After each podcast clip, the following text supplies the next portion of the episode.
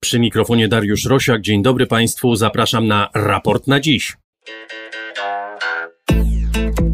Co wydarzyło się na Białorusi przez ostatnie dni? Czy ma tam miejsce rewolucja, czy wręcz przeciwnie? Władzy udało się zdławić opór społeczny, zmarginalizować opozycję i ustabilizować sytuację po kolejnych wyborach sfałszowanych przez reżim Łukaszenki. Co dalej z białoruskim autokratą? Kto zyskuje, kto traci na tym przełomie i o jakim przełomie mówimy?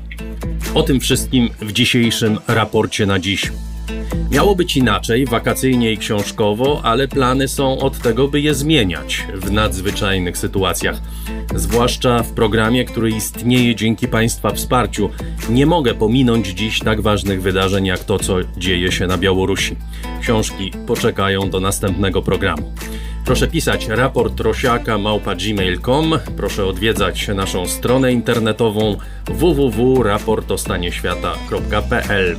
Chris Wawrzak w Warszawie, ja gdzieś na obrzeżach Polski, ale wszystko można złożyć dzięki magii radia. Zaczynamy raport na dziś. Moim gościem jest dziś Anna Maria Dyner, analityczka Polskiego Instytutu Spraw Międzynarodowych. Dzień dobry pani. Dzień dobry panie redaktorze. Też wolałabym, żeby, żebyśmy się spotkali rozmawiając na tematy turystyki białoruskiej, kultury białoruskiej, książek ostatnich, no ale niestety sytuacja nie, pozwali, nie pozwoliła w tym roku na to. Mamy fascynujące, niepokojące, w wielu miejscach bardzo intrygujące wydarzenia. To wszystko, co dzieje się na Białorusi przez te ostatnie trzy dni od czasu wyborów, to jest niezwykła sytuacja. Proszę opowiedzieć, może zacznijmy chronologicznie, e, najpierw o samych wyborach i ich bezpośrednich konsekwencjach. Czy my możemy w miarę odpowiedzialnie określić, jakie były rzeczywiste wyniki tych wyborów? Niestety tego się nie da zrobić, e, dlatego że jest tak silnie nałożona blokada informacyjna, tak silnie są cenzurowane te wyniki już na etapie obwodowych e, komisji wyborczych, czyli tych komisji najniższego szczebla, e, że nie jesteśmy w stanie odpowiedzieć na pytanie o to, jakie faktyczne były wyniki. Można domniemywać i takie informacje pojawiały się w różnego rodzaju mediach, że Swietłana Tichanowska wygrała te wybory już w pierwszej turze. Były takie komisje, kilkadziesiąt w skali kraju, głównie e, ze stolicy w Mińsku, które wskazywały, że uzyskiwała ona nawet ponad 70% głosów, przy czym na Aleksandra Łukaszenkę głosowało e, kilkanaście procent e, Białorusinów. A proszę powiedzieć, na jakiej podstawie te, te liczby padają? To znaczy, czy, czy, czy był jakiś mechanizm sprawdzania tych głosów? Niezależny oczywiście od władzy. Mechanizmy by, były, ale były bardzo minimalne. To znaczy, teoretycznie Centralna Komisja Wyborcza zarejestrowała rekordowo wysoką liczbę obserwatorów tych wyborów, natomiast większość z nich pochodziła z organizacji związanych z białoruskimi władzami, takich jak choćby Białoruski Republikański Związek Młodzieży czy organizacja Białoruś. Mm, te liczby, o których wspomniałam, pochodzą z tych komisji wyborczych, gdzie udało się uzyskać dostęp do prawdziwych protokołów głosowania, gdzie byli e, zaangażowani niezależni obserwatorzy. Oczywiście mm, częściowy taki monitoring głosów był prowadzony w internecie, ale on był z góry obarczony e, pewnymi trudnościami, to znaczy z góry było wiadomo, że raczej na tej platformie zarejestrują się te osoby, które nie głosowały na białoruskiego prezydenta. Mamy reakcję władz jednoznaczną. To jest zdławienie protestów w bardzo e, brutalny sposób. O tej brutalności za chwilę. Natomiast jaka jest realna skala tych protestów? Bo w poniedziałek można było odnieść takie wrażenie, że na Białorusi e, ma miejsce coś w rodzaju pospolitego ruszenia. Dziś nagle, trzy dni później, wygląda na to, że nie do końca po pierwsze tak było, nie wiadomo, ile tych osób wyszło na ulicę. Wiemy, że skala represji jest dosyć duża, ale czy znowu możemy powiedzieć, jak te protesty przebiegały, również jeśli chodzi o mm, liczebność i udział y, ludzi w, w, demonstracjach? To, co na pewno odróżnia obecne protesty, jest ich skala, jeśli chodzi o rozsianie ich po terytorium całego państwa. Oczywiście nawet w samym Mińsku, gdzie były to najbardziej liczebne demonstracje, gdzie siły milicyjne działały z największą brutalnością, Nie była to liczba nawet prawdopodobnie porównywalna do słynnego marszu z grudnia 2010 roku po ówczesnych wyborach prezydenckich. E, nie jesteśmy w stanie dokładnie oszacować, e, jaka była liczba demonstrujących nawet w stolicy, dlatego że oni się nie zbierali w jednym miejscu miasta. E, w Mińsku, który jest wielkościowo porównywalny do Warszawy, być może nawet troszkę większy, licząc miejsca, licząc tak zwane E, satelity e, i niewielkie, niewielkie dzielnice, które położone są na obrzeżach, w których również trwały demonstracje, więc one miały bardzo taki zdecentralizowany charakter również w Mińsku, w innych miastach. E, oczywiście w noc powyborczą tych demonstracji było bardzo dużo, mm, ale już w dzień sytuacja się uspokajała, po czym znowu mm, wieczorem ludzie się gromadzili, demonstrowali i tu już przede wszystkim w stolicy, częściowo w większych miastach. Sytuacja powtórzyła się mm, trzeci raz w ostatnią noc. Natomiast widać wyraźnie, zwłaszcza po działaniach e, milicji tej nocy, że władza e, będzie dążyła do siłowego stłumienia protestów. Warto też zaznaczyć, że Mm, Białorusini nie są narodem, który często wychodzi na ulicę. Tak naprawdę zdarzyło się to ostatnio w 2017 roku, ale z bardzo specyficznego powodu, to znaczy słynnego dekretu o darmozjadach, e, który nakładał podatek na bezrobotnych. E, I faktycznie to spowodowało demonstracje oddolne w różnych miejscach kraju i władze się pod e, wpływem tych demonstracji ugięły.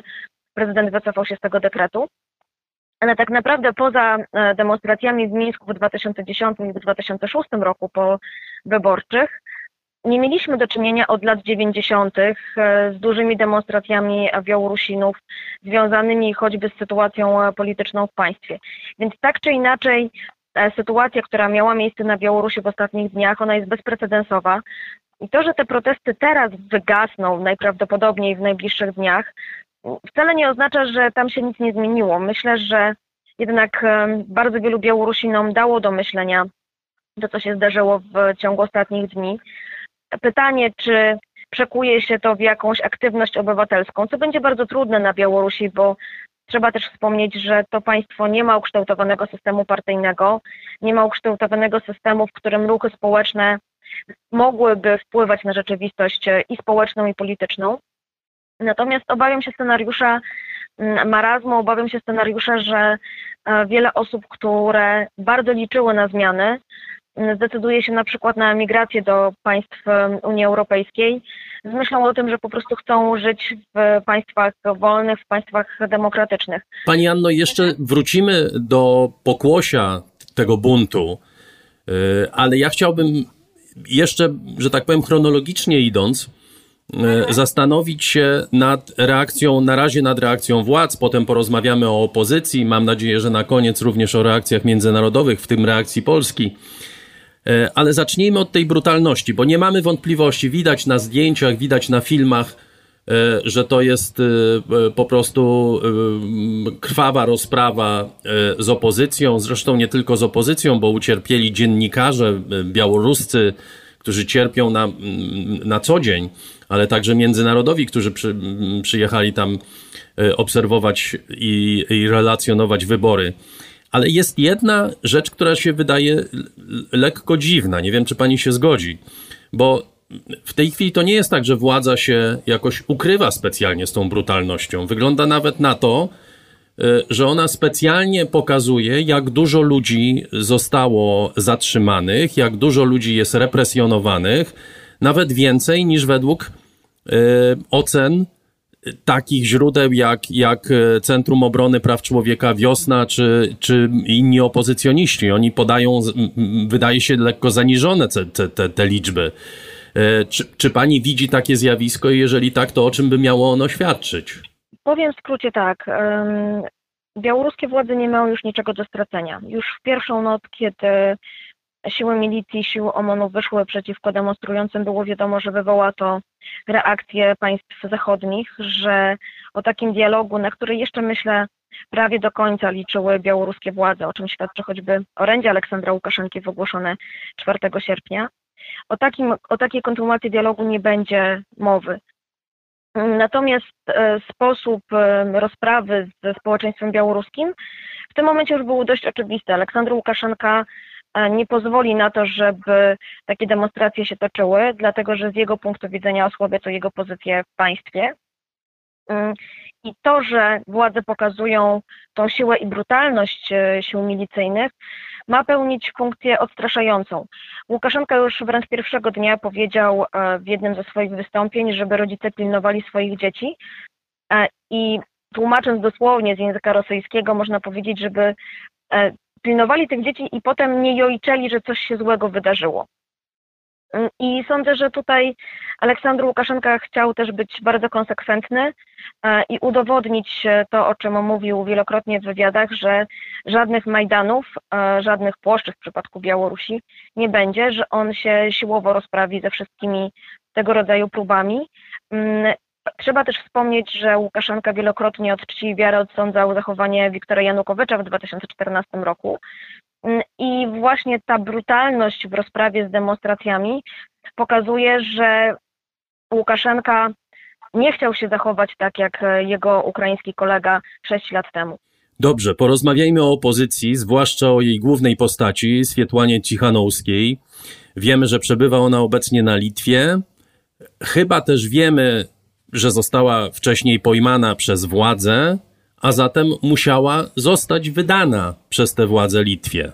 Jak pani zdaniem tej, ten proces przebiegał? Sytuacja ze Swietłaną Cichanowską jest w ogóle bardzo skomplikowana, dlatego że nie możemy uznać za taką klasyczną opozycjonistkę. Ona oczywiście stała się ikoną tego sprzeciwu wobec e, obecnych władz, natomiast e, ona sama wielokrotnie podkreślała, że do polityki trafiła przypadkiem, że gdyby nie areszt jej męża, to ona by się nie zdecydowała na takie zaangażowanie w życie polityczne. Natomiast sytuacja ze słynnymi dwoma filmami, które trafiły wczoraj do mediów społecznościowych i do internetu, jest też dość e, dziwna, dlatego że Swietłana Cichanowska sama poszła do Centralnej Komisji Wyborczej z oficjalnym protestem e, związanym z e, oficjalnymi wynikami głosowania. Tam została zatrzymana na kilka godzin, została odizolowana od swojego prawnika. I jak potem pokazały filmy, została zmuszona do nagrania pierwszego oświadczenia, w którym wzywa ludzi, żeby nie wychodzili na ulicę protestować. Potem z kolei też jest dziwna sytuacja. My do końca nie wiemy tak naprawdę, jak, jak było. Nie, nikt tego ani nie potwierdził, ani nie zaprzeczył, że białoruskie władze miały wręcz odwieźć e, Swietłanę Cichanowską do granicy z Litwą, białoruskie służby. Mm, no i jakby Białorusini, w sensie białoruskie władze chciały się w cudzysłowie pozbyć kłopotu, jakim jest Swietłana Tichanowska. Natomiast e, dlaczego udało się ją złamać, bo to jednak widać z tego, z tego przekazu, e, z obydwu filmików, które zostały nagrane. Mm, władze białoruskie niejednokrotnie mm, posuwały się do gruźb wobec najbliższych osób, Mm, no i w tym momencie mają bardzo silne narzędzie wpływu na panią Tichanowską, mianowicie to, że w więzieniu ciągle pozostaje jej mąż. I wyobrażam sobie, że pojawiły się groźby, że ten mąż po prostu z tego więzienia nie wyjdzie, że będzie mu zasądzona bardzo wysoka kara za napaść na policjanta, tak przynajmniej zgodnie z tym, e, co, o co jest oskarżany, że być może do tego zostaną dorzucone jakieś kwestie związane z finansami. Mm, I jako człowiek nie dziwię się Swietłanie Tichanowskiej, że w obawie przed zagrożeniem i, i w obawie przed y, i w trosce o swoich najbliższych zdecydowała się na taki, e, a nie inny krok. A o czym Pani zdaniem świadczy fakt, że y, Cichanowska uciekła na Litwę, a nie na przykład do Polski, gdzie znajduje się duża część opozycji białoruskiej, gdzie funkcjonują media niezależne nadające na Białoruś, gdzie jest wielu dziennikarzy i gdzie przebywa po prostu bardzo wielu Białorusinów. Y, Polska bardzo ostro od samego początku wypowiadała się na temat Białorusi, znacznie łagodniej wypowiadała się Litwa. Czy pani zdaniem to mogło mieć znaczenie w związku z tym, że trafiła na Litwę, a nie na przykład do Polski? To trochę nie jest tak, to znaczy akurat w ostatnich e, latach, głównie ze względu na budowę elektrowni jądrowej na Białorusi, to Litwa jest naczelnym krytykiem Białorusi w Unii Europejskiej. Natomiast na Litwie, ze względu na bliskość, bo pomiędzy stolicami obu państw jest 240 km w linii prostej, mm, na Litwie też mieszka bardzo duża diaspora białoruska, też e, jest sporo organizacji niezależnych, które działają na Litwie, z Litwy na, na Białorusi, które są zarejestrowane na Litwie. Też warto zwrócić uwagę, że ze względu na historyczne powiązanie, ze względu na również powiązanie z czasów Związku Sowieckiego, mm, dużo Białorusinów wyjeżdża na przykład odpoczywać e, na, na Litwę i Cichanowska odesłała tam dzieci. To znaczy ona mówiła wcześniej, że wysłała je do jednego z państw Unii Europejskiej, żeby wyjechały na wakacje razem z babcią. To oczywiście było podyktowane względami bezpieczeństwa i smutną historią choćby Andrzeja Sanikała i Iryny Halip, o której być, za, za, chwilkę, za chwilkę może opowiem. Natomiast ona, Świetlana Cichanowska, po prostu dołączyła do, do swoich dzieci, do babci, nie wiem czy to są jej rodzice, czy, czy rodzice jej męża. W każdym razie po prostu wyjechała tam, gdzie, gdzie odesłała swoją, swoją dwójkę dzieci. Natomiast to, że je odesłała tak jak już wspomniałam, było podyktowane względami bezpieczeństwa. W 2010 roku mm, kandydat ówczesny na prezydenta Białorusi Andrzej Sannikow został aresztowany. Zatrzymana została e, i osądzona na 14 dni aresztu, jeśli mnie pamięć nie myli, jego żona Iryna Halip, e, która była dziennikarką, która jest dziennikarką. I ówcześnie ich kilkuletniemu synkowi groziło, że mm, zostanie zabrany do sierocińca mimo że był pod opieką swoje, swojej babci.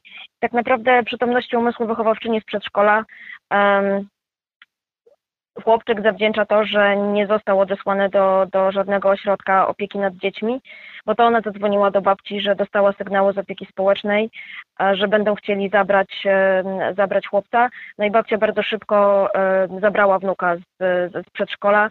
Sprawa stała się głośna, napisały o tym media międzynarodowe, więc jakby władze białoruskie odstąpiły od, od tego tego rodzaju zachowań. Zresztą potem wypuszczono Irynę Halip, ona dostała karę aresztu domowego, więc już nie było takiego zagrożenia, że ze względu na brak opieki nad dzieckiem państwo będzie chciało wziąć je do sierocińca. Ja bym chciał wrócić do spraw dyplomatycznych jednak, to znaczy y, mamy sytuację jednak lekko, powiedziałbym, dziwną wokół całej historii białoruskiej i mm, reakcji Unii Europejskiej, w tym reakcji Polski. E, premier Morawiecki domaga się, czy zgłosił wniosek o zwołanie szczytu Rady Unii Europejskiej. Wygląda na to, że takiego szczytu nie będzie. Mamy rytualne e, w takich okolicznościach potępienie przemocy ze strony e, Brukseli, ale dlaczego znajdujemy się w takiej sytuacji, w której Unia Europejska nie decyduje się na jednoznaczne stanowisko wobec Białorusi? Chciałabym odpowiedzieć na to pytanie, że może ze względu na to, że po prostu w państwach europejskich panują wakacje, jest dokładnie środek sezonu urlopowego. Natomiast to też nie jest do końca tak, że nie ma oddźwięku sytuacji na Białorusi w państwach Unii Europejskiej. Warto zwrócić uwagę, że państwa bałtyckie i Finlandia, przynajmniej z tego co wiem, poparły polski wniosek o zwołanie Rady Europejskiej, więc być może jesienią do takiego spotkania dojdzie i zostaną omówione kwestie Białorusi na nim. Mm, też warto zwrócić uwagę, że przynajmniej już od wczoraj coraz więcej głosów pojawia się, że jednak choćby Niemcy coraz bardziej e, rozważają powrót do polityki przynajmniej częściowych sankcji. A jeżeli Niemcy będą tym państwem, które będzie do tego dążyło, to sądzę, że e, w Unii Europejskiej bardzo szybko zostanie podjęta tego rodzaju dyskusja. E, I mimo wszystko liczę na to, że ta dyskusja zostanie, e, zostanie przeprowadzona w ciągu najbliższych e, kilku tygodni. Być może będzie to koniec sierpnia, być może będzie to koniec września. Oczywiście cały problem, który, który ma Unia Europejska z tą sytuacją jest dwojakiego rodzaju. Po pierwsze, to jest kwestia reakcji wszystkich państw członkowskich, na którą zawsze trzeba poczekać, która zawsze jest ucieranym kompromisem. To jest, to jest pierwsza sprawa. Ale no, pani Anno, być może pani jest niezręcznie o tym powiedzieć, to ja to powiem. No jest w Unii Europejskiej gru, grupa państw, która po prostu nie chce bruździć Rosji, nie chce zamieszania e, na Białorusi, chce stabilności. Chciałam to właśnie powiedzieć, że są, że są mhm. państwa, które raczej będą się sprzeciwiały polityce sankcji wobec, e, wobec Białorusi. Tak nawet było paradoksalnie na przełomie roku 2010 i 2011. I o dziwo niekoniecznie było to związane z kontekstem rosyjskim. Na przykład Łotwa wtedy się sprzeciwiła wprowadzeniu części sankcji gospodarczych ze względu na swoje kontakty ekonomiczne z Białorusią. i ze względu na znaczenie potoków towarowych, które przychodzą przez porty tego państwa.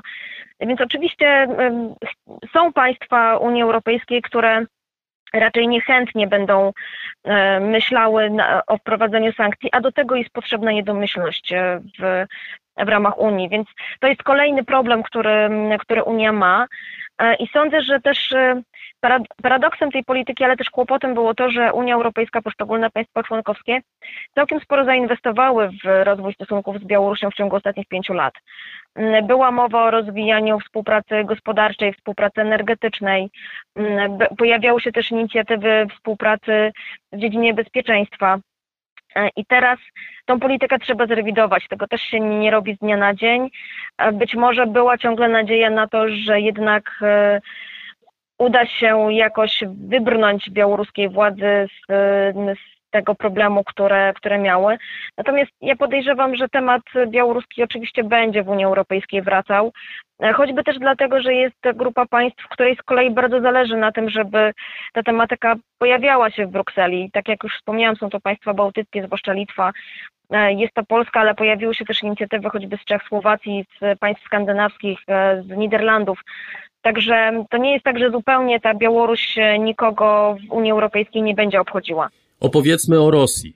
Jak ona na tym korzysta, bo jeśli efektem tego wszystkiego, co w tej chwili się dzieje, będzie sytuacja, w której Łukaszenka wyjdzie z tej batalii poważnie osłabiony, ale ciągle u władzy, to to jest chyba idealny wynik z rosyjskiego punktu widzenia. To jest dokładnie to, o co Rosjanom chodziło. Po to, żeby Łukaszenka był jeszcze bardziej od nich zależny i żeby tak naprawdę nie miał się w związku z tą falą przemocy, którą rozpuścił w kraju. Unia Europejska jest dla niego niewygodnym partnerem, a Rosja, Rosji to nie przeszkadza. Być może o to, o to chodziło Rosji. To prawda, niestety cały scenariusz tych e, wyborów, e, przebieg demonstracji wskazywał, że jedyny zwycięzca będzie za wschodnią białoruską granicą. Mm, na pewno została osłabiona pozycja Aleksandra Łukaszenki i wewnątrz państwa białoruskiego, e, i w jego relacjach z państwami zachodnimi. Mm, myślę, że państwa zachodnie, w tym też Stany Zjednoczone, tym razem się kilkukrotnie zastanowią, zanim podejmą inicjatywę choćby na przykład wsparcia Białorusi w poszukiwaniu mm, alternatywnych źródeł ropy czy współpracy energetycznej. A to jest tylko i wyłącznie na rękę Rosji, a jesień tego roku i początek zimy będzie dla Białorusi bardzo trudny, dlatego że kontrakty na dostawy ropy naftowej i na ceny na gaz zostały zawarte do końca obecnego roku. To oznacza, że Aleksander Łukaszenka będzie musiał e, udać się w tak zwaną tradycyjną pielgrzymkę w cudzysłowie do Moskwy i rozmawiać na te tematy z Rosją. Mm, a Rosja, sądzę, kolejny raz położy na stół projekt pogłębionej integracji. To zresztą już miało miejsce w trakcie negocjacji pomiędzy premierami obu państw w połowie lipca.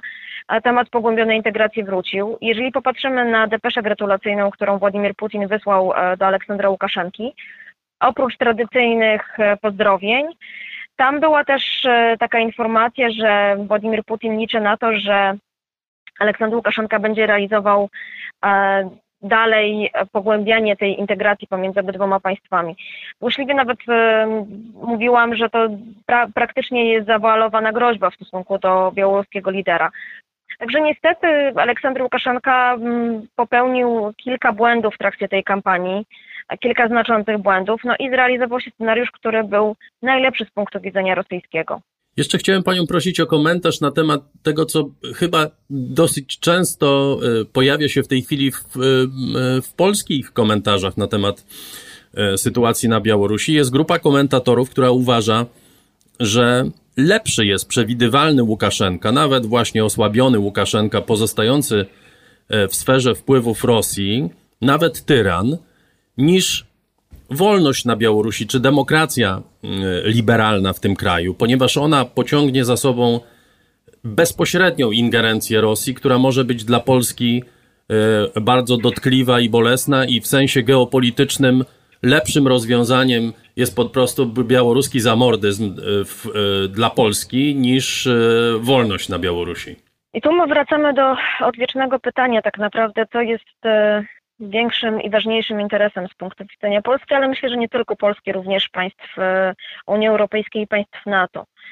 Mm, czy pragmatyczna współpraca z Aleksandrem Łukaszenką tylko i wyłącznie dlatego, żeby nie weszła tam Rosja, czy jednak e, przede wszystkim e, utrzymywanie wartości i polityka, która będzie temu sprzyjała. Jest to duża sprzeczność, aczkolwiek ona jest sprzecznością tylko częściową, dlatego że powiedzmy w ostatnich kilku latach udawało się pokazać, że udaje się w miarę rozwijać jedno i drugie. Tak jak wspomniałam, smutnym paradoksem tych wyborów jest to, że Rosja ma ostatnie słowo do powiedzenia.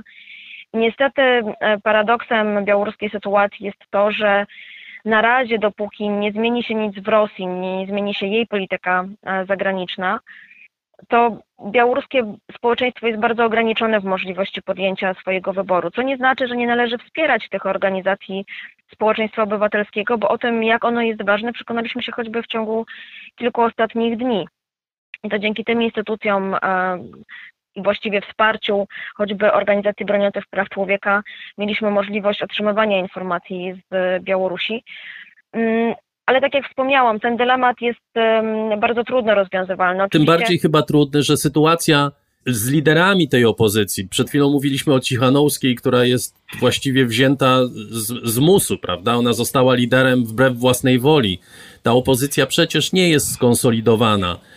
bardzo łatwo można ją było rozbić. Ludzie zostali sami, y, te protesty gasną również dlatego, że nie ma kto nimi pokierować. Napieranie na Białorusinów, y, żeby walczyli z Łukaszenką w tej sytuacji jest powiedzmy sobie dyskusyjne. No to znaczy, tak jak powiedział jeden z polskich senatorów, przecież my tam czołgów nie wyślemy. Zresztą chyba nikt nie ma ochoty, ani nie ma to sensu myślenie w tych kategoriach jeżeli nie mamy im nic innego do zaproponowania, to, to co? To, to może rzeczywiście Łukaszenka powinien tam rządzić? O, to jest, to jest, mówię, bardzo, bardzo trudne pytanie, tak? To znaczy, gdybyśmy rozmawiali miesiąc, dwa miesiące temu, to może bym nawet się bardziej skłoniła do wersji, że, że Aleksander Łukaszenka powinien tam rządzić, tylko że problem polega na tym, że on rządzi też wbrew woli własnego narodu. E, I tak jak mówię, strasznie ciężko jest się wypowiadać, e, co jest, co jest lepsze, tak? Czy um, autorytarny prezydent, e, który rządzi wbrew woli narodu, ale który daje stabilizację, e, czy właściwie tak na dobrą sprawę no nie mamy alternatywy, tak? Bo nie możemy powiedzieć, że um, jeżeli Aleksander Łukaszenka by odszedł, czy zostałby obalony, to na jego miejsce przyszedłby prozachodni polityk, który byłby w stanie zreformować państwo, zmienić jego wektor polityki zagranicznej. I to jest chyba tak naprawdę też e, największy paradoks, bo tak jak Pan wspomniał przed chwilą sytuację na Ukrainie, ona się diametralnie różniła od e, obecnej sytuacji na Białorusi. Mm, tam wyraźnie było widać, które siły odpowiadają za co, za czym się, opowiada, e, za czym się opowiadają, za jakim kształtem państwa, jego polityki zagranicznej. Natomiast e, to nie jest przykład Białorusi. I jeszcze jest jedna rzecz w tym, w tym wszystkim, że to też nie jest tak, że wszyscy Białorusini hura optymistycznie chcieliby integracji z, ze strukturami euroatlantyckimi. E, całkiem spora rzesza ciągle jednak e, uważa, że obecny status, czyli niezależne państwo, ale współpracujące z Rosją, jest całkiem dobry.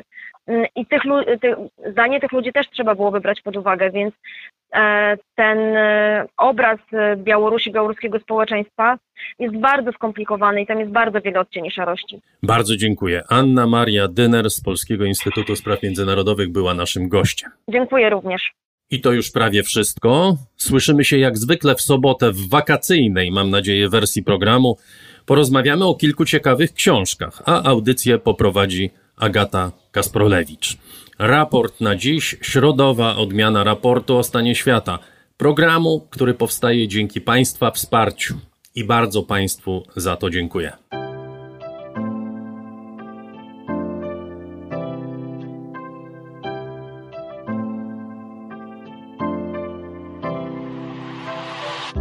Raport o stanie świata jest programem w całości finansowanym przez słuchaczy.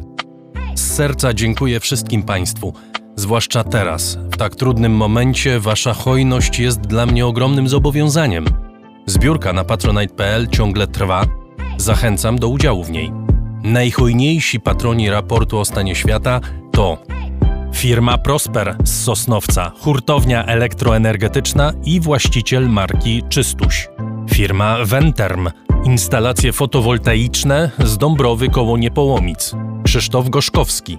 Michał Małkiewicz. Firma Software Mill, od zawsze zdalni, programują dla całego świata. Dom wydawniczy Muza, bo świat nie jest nam obojętny.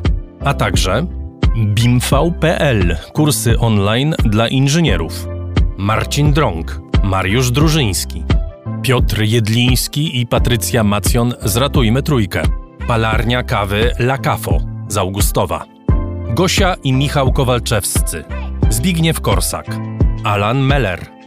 Paweł Nowy Nowak. Fundacja Wasowskich, opiekująca się spuścizną Jerzego Wasowskiego i wydawca książek Grzegorza Wasowskiego. Szczegóły na wasowscy.com.